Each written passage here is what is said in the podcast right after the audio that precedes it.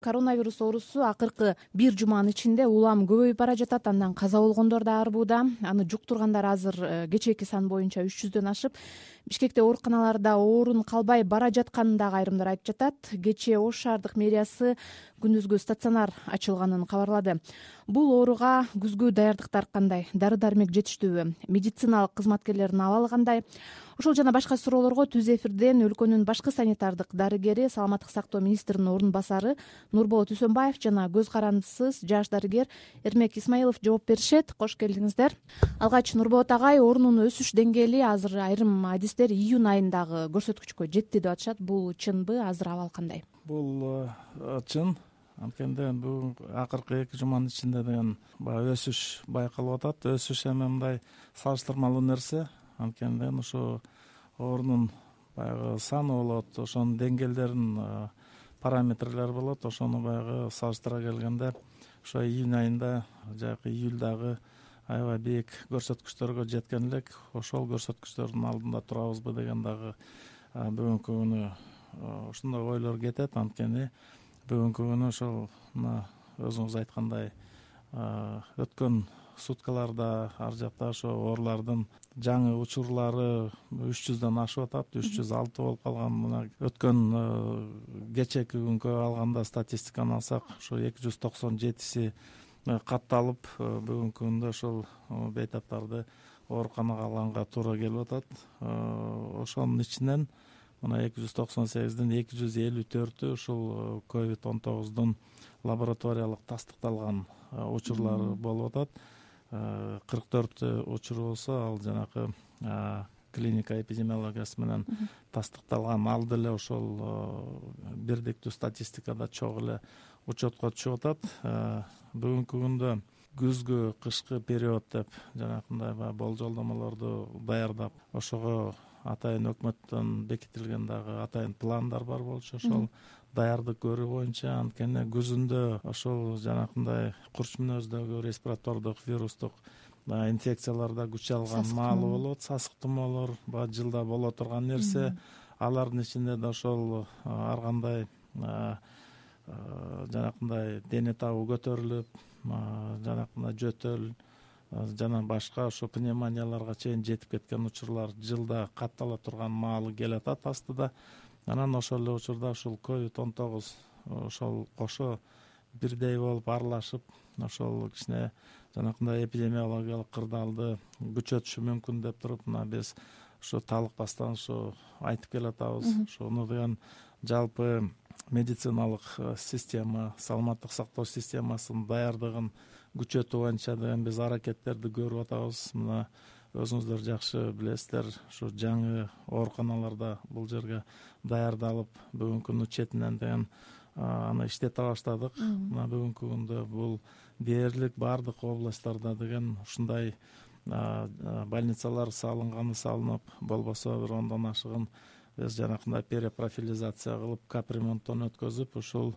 эгерде оорулардын саны көбөйө турган болсо ошол жерге кабыл алуу мүмкүнчүлүктөрүн даярдап ошол жерде медициналык шаймандарын даярдап дары дармектери менен ошол жерге тийиштүү эмеректердин баарын койдуруп бүгүнкү күндө ушу чоң даярдыктарды мына көрдүк. Мына бүгүнкү күнү дагы эле ошол даярдыктар план чоң план болгон. Алсак бир кырк жети жанакындай пункттан тура турганын ошонун кырк төрт кырк беши ушу саламаттык сактоо министрлигине ушундай чоң милдеттер жүктөлгөн план. Ошонун баарын деген ар бирине баягы аткаруунун аракетинде болдук. Тийиштүү акча каражаттары дагы ушул планга бөлүнгөн. Мына ошол бөлүнгөн каражаттардын иштетип бүгүнкү күндө мындан тышкары дагы ислам банк исламский банк азиатский банк развития анан дүйнөлүк банктын алкагында түзүлгөн ушул гранттык кредиттик проекттер бар болчу. Мына ошонун алкагында деген керектүү тийиштүү медициналык жанакы шаймандар бул рентген аппараттар компьютерный томографтар мына сатылып алынып атат бүгүнкү күндө. Мамлекетке сатылып алынып жатабы компьютердик томография себеби өткөндө июнь июльда аябай көйгөй болду эле да бул көйгөй ар бир областка деген ошондой бирден компьютерный томограф койгонго аракет көрүлүп атат бүгүнкү күндө. Сатып алуу процесси как раз аяктап жакындап калды. Мындан тышкары ошо рентген аппараттар керек болчу. Ал дагы ошол сатып алуу процесстери аяктап поставкалар уже коюла баштады жер жерине. Мындан тышкары дагы ошо корея мамлекетинен дагы гуманитардык жардам катары ошол жерден дагы бир бир нече рентген аппараттар келатат. Анын баарын уже бөлүштүрүү пландарын даярдап кое турган жерлер дагы баягы шарт түзүлүш керек. Мына ошонун үстүндө азыр аракет кылып иштеп рахмат э, эрмек мырза медициналык кызматкерлер азыркы кырдаалды ордунун күчүп атканын кандай кабылдап жатышат себеби алар июнь июльда аябай кыйналып калышпады беле өзүңүз билгендей? Ооба тилекке каршы баягы июнь июль айында ооруган дарыгерлердин баардыгы өз калыбына келе элек мен мындай тааныштарым аркылуу сурагандарда бирок көбүнчөсү уже баягы э, кайра эгер болуп мобилизация. күчөп кала турган болсо даярбыз деп эле жатышат иштебизде анан өлкөдөгү азыр э, керебет запасы кандай деген дагы суроо жаралат экен да. Анткени кечээ эле мындай жаңылык чыгып кетти өлкөдө орундар калбай калып баратат. Э, ковид он тогузду дарылаган депчи. Анан э, кошумча стационарлар да ачылып жатпайбы.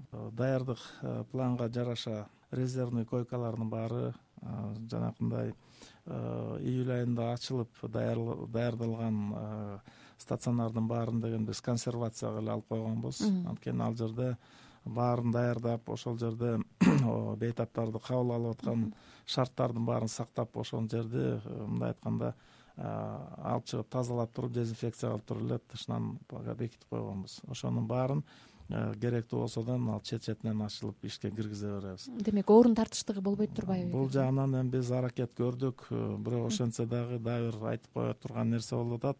Мына дүйнө жүзүндө да тенденциялар бар да. Ушул э, эпидемиологиялык параметрлерди жана бүт ошо оорунун таркап кеткен шарттарын баарын мындай илимпоздор дагы карап чыгып аткан убактысы ошол жерде айтыла турган нерселер болуп атат. Мына биринчи биз карантиндерди киргизген себептери деген бирден бир бул саламаттык сактоо системасын деген даярдоо деген маселени э, артында турган чектөөлөр киргизилет.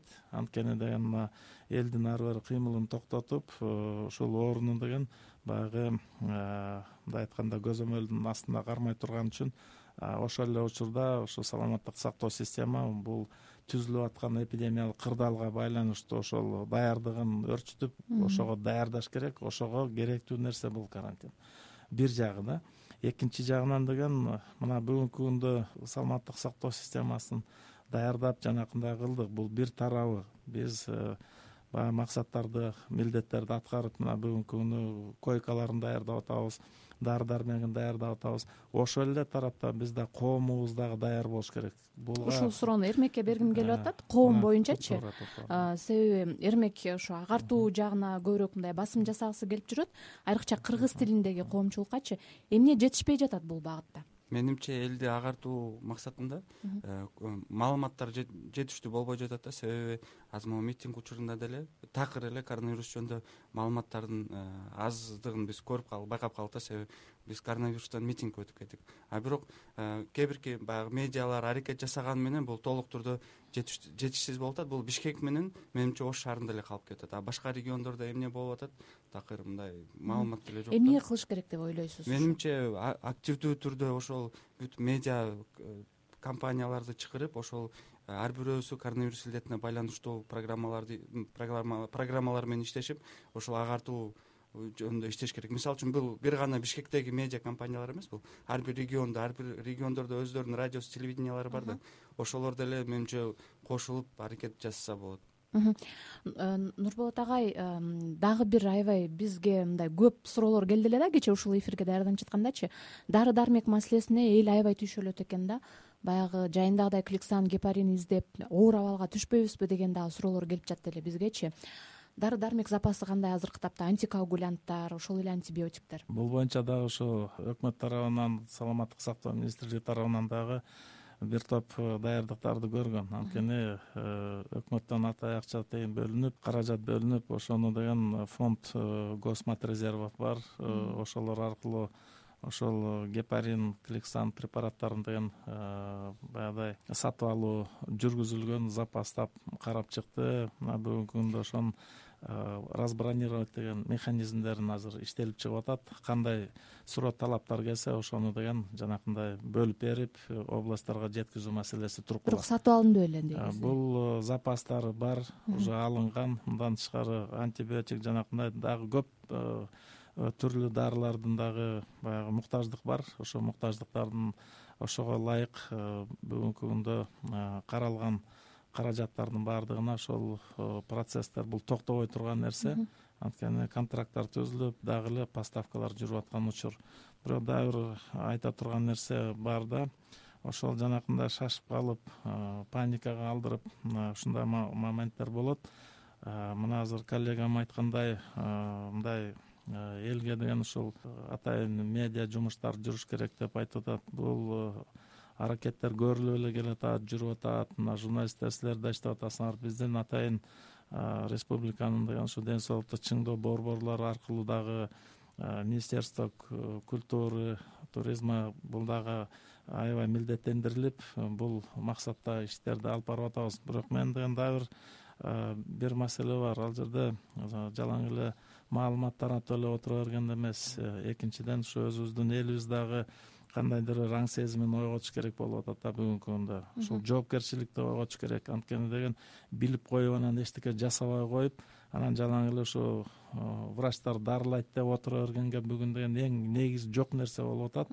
Анткени деген жанакындай көп учур болуп кеткенде дагы эле унутуп калып атабыз да июль айында эмне болгонун ушул жерде жалдырап больницанын астында отуруп очередке да туруп калган күндөрүбүз болбодубу мына ошол ооруларды жайгаштырган өзүнчө бир чоң проблема болгон. Бирок ушу саламаттык сактоо системасы пределде иштеп ошол аракеттер болду. Дагы мына волонтерлор чыкты. Биздин айта турган нерсе ушу башка коңшу мамлекеттерде да мындай болбогон болгон жок да мындай нерсе. Мына бизде ошолор чыкты. Экинчиден деген демөөрчүлөр чыкты. Жанакынтип спорт дворецтерди ачканга туура келди. Мечиттердин ичинде болду? Ресторан кафенин ичинде дагы жанакындай койкаларды жайгаштыра коюп ошол жерде кабыл алып мындай айтканда деген элди да көп мүчүлүштүктөн алып калдык. Чогуу. Бирок ошондой эле тенденцияны азыр сакташ керек. Анткени деген ушул мына коллегам айтып аткандай массовый жанакындай чаралар болуп атат. Ал жерде коомубуз деген кандайдыр бир чарчагандык байкалат. Бирок дүйнө жүзүндө да ушундай болуп атат. Бул тенденциялар бар бирок дагы бир чакырык дүйнөлүк саламаттык сактоо уюму берип атат. Бул маселеде чарчоого алдырбаш керек чарчабаш керек. Анткени күндө алдын ала иштерди жасап бул жөнөкөй эле нерселер бирок ошол жөнөкөй нерселер деген жанакындай көп оорунун учурларынан сактап калат. Бул бет кап режими деген бул аябай керектүү нерсе да. Э, дистанцияны сактабай коюп атабыз той ашка кызыгып ошону такыр кары жашы дебей ошол жерде болуп өзүбүздүн жанакындай аяр бир катмарларыбызды аябай коюп атабыз. Анткени он сегиз жаштан кырк беш жашка чейинки куракта деген ушу жугузуп алуу тобокелчилиги өтө бийик болуп атат дагы ошолордун эле арасында кайра эле бир алтымыш жетимиш проценти деген жанакындай оорунун белгиси жок жүрүп аткандар болот ал жерде. Ошол эле учурда ал вирусту алып жүрүп атат да. Бул деген жанакындай инфекциянын булагы катары элге таратып жүргөндүк болот. Экинчиден дагы бир э, ал жерде свечка бар э, ошол эле учурда ушу алтымыш жаштан өйдө курак жашында деген ушул оорунун деген кесепети аябай катуу тийип аткандыгы. Каза болгондордун көбү баары тең көбү тең ошол эски дарттары бар баягы хроникалык түрдө өтүп аткан оорулар бар. Бул Э, кан диабети э, жанакындай гипертонический болезнь ушул акыркы суткаларда каза болгондордун жаш өлчөмү дагы ошондой жогорубу ал деле ошол жогору болуп атат баары. Э, алтымыш жаштан өтүп алтымыш беш жетимиш төрт жаштагы ушундай сексендегилер өтүп кетип атат. Анткени коронавирустун ыдыгы күчтүү болуп ошо туруштук бере албай калып эрмек мырза анан ошол нурболот агайдын сөзүнөн улам бир суроо пайда болуп атат. Ошо кызыл зонага кире турчу дарыгерлер азыркы тапта кандай мындай моралдык даярдык алардынчы? Себеби июнь июльда бир топ моңкоп калышты эле менимче э, толук калыбына келиш элек бир тарабы калыбына келсе бир тарабы элек себеби бул абдан чоң психологиялык жактан бизге мындай терс таасирин тийгизди. Себеби баягы киргенде эле ушунча биз биринчи жолу биздин баягы жеке тажрыйбабызда көрүп атабыз. Бирок ага карабастан менимче жанагы психологиялык жардам көрсөткөн адамдардын артынан дагы кичине болсо дагы өз калыбына келип иш өзү ошондой жардам толук кандуу берилди деп ойлойсузбу э, менимче толук кандуу эмес бирок э, жарымы болсо дагы алышты ошол жардамдарды. Бирок ошол эле маалда ошол дарыгерлер акчаларыбызды ала албай жүрөбүз айлык акыбызды ала албай жүрөбүз деп да кыйналышты эле да? Кошумча төлөмдөр. ооба э, бир аз кечигип беришти деп айтышты да азыркы учурда абалга жетпейбиз деген үмүттөмүн да себеби эгер дагы ошондой боло турган болсо бир топ эле кыйналып калабыз го. Нурболот агай э, андан дагы бир суроо. Ооруну дарылоодо лабораториялык анализдер өтө маанилүү эмеспи анан ушул биринчи толкун дейбизби июнь июль учуру дейбизби кризисинде ошо көп учурда лабораториялык анализдер алынбай калды деген даттануулар болду эле да. Бул ирет биздин лабораториялар даярбы? Э, бул жерде бир аз тактап кетиш керек. Ал кезде деген анализдердин толугу алынган анткени алынбай калган э, учурлар деген ушу дарылоо учурунда процессинде деп атат да. ал дарылоо учурунда деген анализ ала берген э, ал максат турбайт. Анткени ошол жаңы келгенде эле деген анализ алынат дагы э, бул жанакындай тастыкталган учурларга тастыкталганы кетти дагы тастыкталбай калгандарын биз жанакындай клиникасы менен эпидемиологиясы менен тактап бердик. Анткени Э, бирден бир эле азыр мамлекет болуп атабыз статистикасын бириктирип алган. Анткени деген ал жерде ошо коомдогу жана чыңалуу пайда болуп ортодон жанакындай июльдагы өзүңүз айткандай кризис маалында деген ошол статистиканы бириктирип эле деген ошол тактикасын бирдей кылып алып туруп мына бирдей эле тейлегенге аракет кылдык. Анан жалаң эле ковид деп көңүл буруп калганда бул деле негизи ошол кезде кыйынга турмак. Бирок азыркы күнү Э, кандайдыр бир э, проблема деле эмес мындай бир өзгөчөлүк да. Коңшу өлкөлөрдө ушул тастыкталган учурларды гана э, эсепке алынат ошол эле учурда жанакындай оорунун белгиси жок учурларды бирок анализи жанакындай тастыкталып калса аларды дагы учетко алган жери жок. Мына көп учурда россияда деле казакстанда деле ошондой мамиле кылынат бул статистика. Биздики болсо мына бириктирип ошол чогуу эле алып келатабыз. Э, статистикабыз баягы бийик өңдөнүп көрүнөт. Бирок кошулган статистикада дагы биз бир топ мамлекеттерден мындай азыраак туруп атабыз. Анан бүгүнкү күндө лабораториялар деген он үч лаборатория ишке кирип даярдыктарды жасады. Бүгүнкү күндө үч жүз отуз алты миң беш жүз анализ жасалып күнүнө деген мына ошол июль айында жана кыйын учур болуп атканда деген беш миңден ашык анализ суткасына жасалып турду. Күнү түнү лаборатория иштеди. Биздин специалисттер ошого мынакей э, аябай аракет кылышкан бүгүнкү күндө деген ушу э, бир миң бир жарым миң анализ жасагандын үстүндө болуп азыр күндөн күнгө оорулардын саны көбөйгөн себептүү анализдерди да көбөйтөбүз. Анткени ал жерде жанагы контакт болгон ушу аларды дагы толук анализден өтүп турушубуз керек. Мына ошон үчүн деген баягы анализдин саны көбөйүп атат. Ошондуктан муну дагы бир ислам өнүктүрүү банкынын проектисинин негизинде долбоорунда азыр дагы он комплект ушу пцр оборудование алып келип э, он модульный лаборатория болот жанакындай э, быстро возводимый э, деп айтып атпайбы. Бүгүнкү ошондой зданияларды салып биз лабораториялык жанакындай биздин мүмкүнчүлүктөрдү ошонун үстүндө иштеп аткан мунун баары мамлекеттик болот дагы э мунун баары тең мамлекеттик менин сурайын дегеним бул негизи аныктоочу анализдер эмес ошол ооруканага түшкөн бейтаптардын э, жалпы анализдери болчу да ошого карай дарылайт эмеспи. Э, себеби угармандардын суроолорунда болчу бир топ каза болгон э, бейтаптар ошол анализ алынбай эле дарылана бергендиктен кайтыш болуп калды дегендейчи. Бул күнү бул маселени да карап чыгып атабыз. Мынакей азыр семетей ганси. больницасы мурдагы ганси деп айтылып калган. Мына ал жерде дагы лабораториялык мүмкүнчүлүктөрдү азыр даярдап ал жерге карап атабыз. Больницалардан дагы бүт бейтапканаларда ушул лабораториялык дагы мүмкүнчүлүктөрдү карадык. Анткени ал кандайдыр бир биз үчүн деген бир тажрыйба болуп калды да жайкысын кандай болуш керек? Ошол ооруларды дагы ушу лабораториялык баягы көзөмөл менен дарылаганга ошо аракеттер көрүлүп атат эрмек ошо жайында каза болгондордун жакындары айтып жатышат. Негизи эле дарылаган дарыгерлер жоопкерчилик албай калды бир топ катачылыктар болуп калды депчи. Анан ушул оору басаңдап калган учурда кандайдыр бир окутуулар болдубу силерге кандайдыр бир э, ошол ооруну дарылоо боюнчачы. Балким мастер класстар дейинби албетте бул э, биз коронавирус илдети башталганга чейин деле окуулар башталган. Ошол коронавирус илдети болуп жатканда дагы онлайн окутуулар болуп жатты. Бул атайын биздин баягы кафедрадагы мугалимдерибиз баягы уюштуруп жатты. Азыркы убакта деле онлайн окутуулар болуп жатат.